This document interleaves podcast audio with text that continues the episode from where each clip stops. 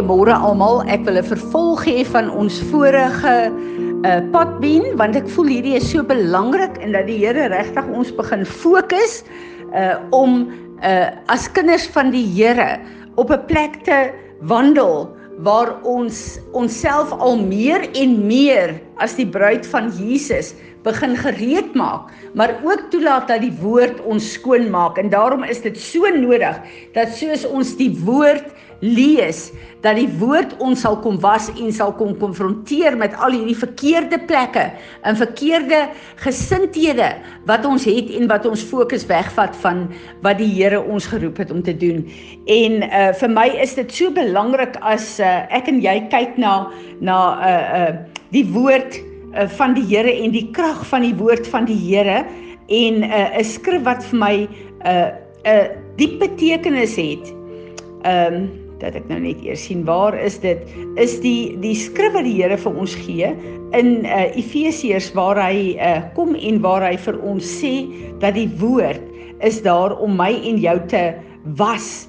En uh, as ek en jy uh, nie die woord het om ons te was nie dan uh, is daar later soveel vuilmerke soveel misleiding soveel korrupsie uh, soveel leuen, soveel verwarring oor ons dat ons onsself nie gereed kan maak nie. En uh, die woord in Efesiërs 5 vers 26, ek lees 25 ook. Uh, husbands, love your wives. Seek the highest good for her and surround her with caring and unselfish love just as Christ also loved the church and gave himself up to her. Ek wil fokus op die gedeelte waar Jesus dan as ons hemelse bruidegom, hy wil graag ons versorg met sy onselfsugtige liefde liefde. En dan gaan vers 26 aan en sê so that he this Jesus might sanctify the church by having cleansed her with the washing of the water of the word of God En dis belangrik dat ek en jy sal besef dat ons het die woord van God wat ons moet was, wat ons moet skoonmaak, wat ons moet konfronteer van al hierdie verkeerde dinge wat in ons uh, lewens is. En 'n woord wat uh, die afgelope tyd na ons toe gekom het, Deuteronomium 28 vers 1 en 2. Ons is nou besig om te praat oor gebed en ons het nou laas keer repent oor alles wat ons mee saamstem en bid wat toksies is, nie net vir onsself nie, maar ook vir die liggaam van Christus en dat ons sal moet begin kyk al hierdie woorde, al hierdie WhatsApps, al hierdie groepe wat aangestuur word vir ons. Maak seker daarvan dat die Heilige Gees wil hê jy moet da is daarmee saam bid en jy moet saamstem daarmee. En wat is die wortel? Dit wil sê as jy aan 'n groep behoort en hulle stuur mooi goed uit wat jy van hou. Gaan kyk na daai groep. Wat is hulle wortel? Wat is hulle doktrin? Wat is hulle oortuiging? Is hulle suiwer op die woord van God of is daar wortels wat ehm um, wat 'n uh, eh, 'n uh, eh, nie van die Here af is nie. En daarom is dit belangrik om te weet dat uh, ons kan nie by 100 groepe betrokke wees nie. Ons kan nie by 'n klomp ministries betrokke wees nie. Ons moet by die Heilige Gees hoor wat is daar wat U wil hê ek moet saamstem en saamwerk as deel van hierdie groepe en uh, dat daar nie verwarring in ons kom nie, maar dat ons regtig effektief is in die koninkryk van God. Deuteronomium 28 vers 1 en 2 sê: Now it shall be if you diligently listen to and obey the voice of the Lord your God, being careful to do all his commandments, which I am commanding you today, the Lord your God will set you high above all the nations on the earth, and all these blessings will come upon you and overtake you if you pay attention to the voice of the Lord. Ek wil hier twee dinge uitlig. Hy kom hier en hy praat van if you do all his commandments. God het ons geroep om sy hele woord te gehoorsaam. En baie keer dan kom die kinders van die Here en hulle sê hulle is lief vir die Here en hulle wil hulle liefde ver verklaar. Maar wat sê Jesus in die Nuwe Testament vir ons? Hoe verklaar ons God se liefde? Hy kom en hy sê if you love me you will uh, obey my commandments.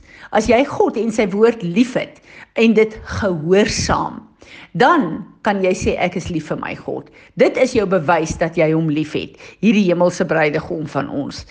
En dan kom hy en hy sê if you diligently listen and obey the voice of the Lord. Nou hierdie woord wil ek net gou 'n bietjie oopmaak in die Hebreëus.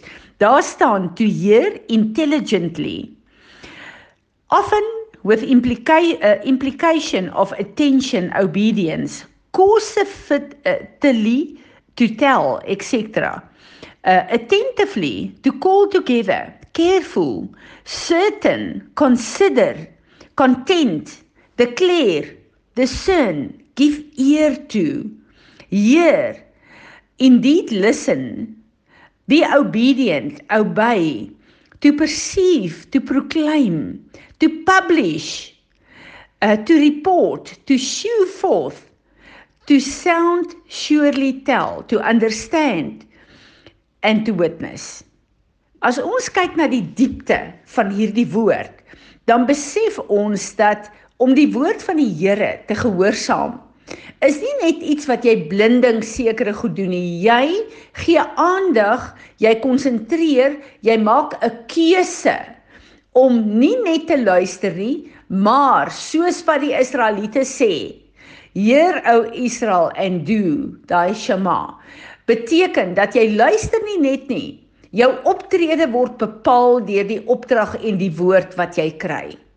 En ek uh, weet dat in hierdie tyd kom die Here en ons dink almal ons gehoorsaam die Here maar daar sekerre goeders wat ek en jy ongehoorsaam in is en hierdie is gedeeltelike rebellie So dit is rebellie in die woord van God.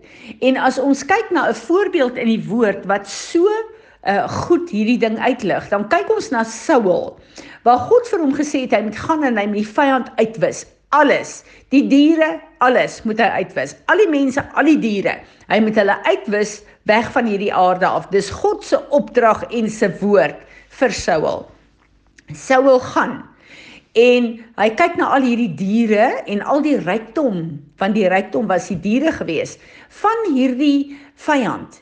En hy besluit nee, hy sal al die mense doodmaak, maar hierdie diere kan hy nou maar hou want hulle uh, lyk daarom te mooi en dit gaan uh, uh, dit beteken meer rykdom vir hulle. En dan kom hy met hierdie verskoning as die Here hom konfronteer en hy sê: "Nee, maar ek het gedink dat as ek hierdie diere nie doodmaak nie, dan kan ons dit gebruik as offers vir u. En hy probeer sy eie sonde en rebellie toe te smeer daarin. Ek en jy ken die geskiedenis wat die Here gesê het daar dat hy sy koningskap afgeskeer het, dat hy besluit het hierdie is nou genoeg. Maar eh, wat my so bekommerd maak van myself en ek weet van julle ook, is die feit dat ek en jy dieselfde doen as wat Saul gedoen het. Ek lees hierdie gedeelte van Saul en ek dink hoe dom is hierdie man net nie om 'n duidelike opdrag van God te kry en 'n besluit te neem om dit nie te gehoorsaam nie. En ek besef maar Fransie, jy doen dieselfde goed. Daar's sekere woorde in die in die uh, in die uh opdragte wat die Here vir jou gee wat vir jou maklik is want jy's gedissiplineer en hy het jou al skoon gemaak, genees en bevry in sekere areas in jou lewe. Maar daar's sekere goed, veral waar dit gesindheid, gesindheid en en verhoudings en offens, hierdie goeters uh aangaan waar jy nog steeds maar mee sukkel en waar jy steeds steeds jou eie keuses maak en steeds jou eie kop volg uh om jouself tevrede te stel terwyl die Here se woord uitdruklik iets anders vir jou sê. En ek besef julle dat rebellie teen die woord van God. Die Here kom en hy sê as ons al hierdie seëninge wat hy het wat hy vir ons gee, as ons dit deel van ons wil hê, dan moet ons nie net luister na sy woord nie, ons moet hom gehoorsaam. Maak nie saak wat ons opinie is nie. Maak nie saak wat ons daarvan dink nie. Ons moet hom gehoorsaam omdat dit die woord van ons God is. En die woord het die krag hier op aarde. So ek en jy en ons woorde het nie krag nie, maar God se woord het krag. Want en wanneer ek en jy dit gehoorsaam en doen, is daar 'n samestemming wat 'n krag is in die hand van God en hom wapens gee om sy engele uit te stuur om sy woord op aarde te volbring. En uh, ons moet besef dat die oomblik as ons gedeeltelik na hom luister, dan open ons onsself vir witchcraft. En ons ken die skrif in 1 Samuel 15 uh vers 23 wat sê dat rebellie is die sonde van witchcraft. So die vyand wil graag hê ek en jy moet die woord nie gehoorsaam nie of net gedeeltelik gehoorsaam om ons oor die kop te vryf en te sê jy is daarom gehoorsaam aan die woord van God. Hoe luister ek en jy? Luister ons diligently. Luister ons met 'n 'n 'n verstaan met 'n keuse van ongeag wat my opinie is, ek gehoorsaam God en ek doen ten volle wat hy sê. En laat ek dan sorg dat die witchcraft plekke wat ek wapens vir die vyand gegee het, deur rebellie, laat daai goed toegaan en dat ek kwalifiseer vir die seëninge van God. En ek wonder hoeveel plekke waar ek en jy bid, waar ons sekere goed van God vra, word geblok deur hierdie rebellie en gedeeltelike rebellie. Kom ek en jy bely en ons gryp die Here vas om ons te help om op hierdie plek elke witchcraft plek in ons lewe toe te maak in die naam van Jesus en dat ons align met hom en met sy woord en dat hy ons op 'n plek bring waar die seën van die Here ons krag en ons beskerming is in blydskap. Piet, sal jy hier weer vir ons lei in repentance en in gebed? Ja, Jesus, ek wil kom vergifnis vir vir vir ons rebellie teen U in U woord. Here dat ons by 'n plek uitkom waar ons waar ons rustig agteroor sit en waar ons dink, ag, hier wees nie so erg nie. Ons kan maar nog hierdie bietjie doen en ons kan maar nog baie bietjie doen. Here dat ons by 'n plek is waar ons eintlik kyk hoe naby ons aan sonde kan kom sonder om sonde te doen. Dat ons kan kyk hoe ons met met sonde kan flirt en ons onsself kan justify dat ons daarmee kan wegkom want ons ons het tog nie sonde gedoen nie. Jy weet dat ons nie bereid is om boots and all werklik te commit in u woord en u verordeninge jy weet en net gehoorsaam te wees en werklik daarin te lewe nie. Jy weet maar dat ons nog so hinkering het om in die vlees te wees, dat ons nog so hinkering het om die lekker dinge van hierdie lewe wat ons dink wat lekker is waarna ons vlees hinker. Jy weet dat ons nog so 'n bietjie met dit wil flirt. Nog so 'n bietjie met dit wil wil omgaan en tog net so 'n bietjie aan dit wil poe. Jy weet maar ons dink as ons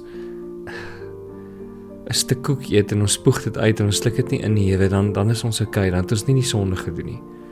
Jy weet vergewe ons vir dit. Jy weet vergewe ons dat ons hierdie mentaliteit het. Jy weet ek wil vir jou vra om hierdie mentaliteit vir ons te kom afbreek en ons te kom help om werklik te kom met om U te volg en om gehoorsaam te wees aan U woord, Here. Here help ons, wees ons genadig in dit en help ons om werklik in U se voetspore te volg. Heilige Gees, lei ons asseblief om werklik Jesus te volg op hierdie aarde. Help ons, Here. Amen.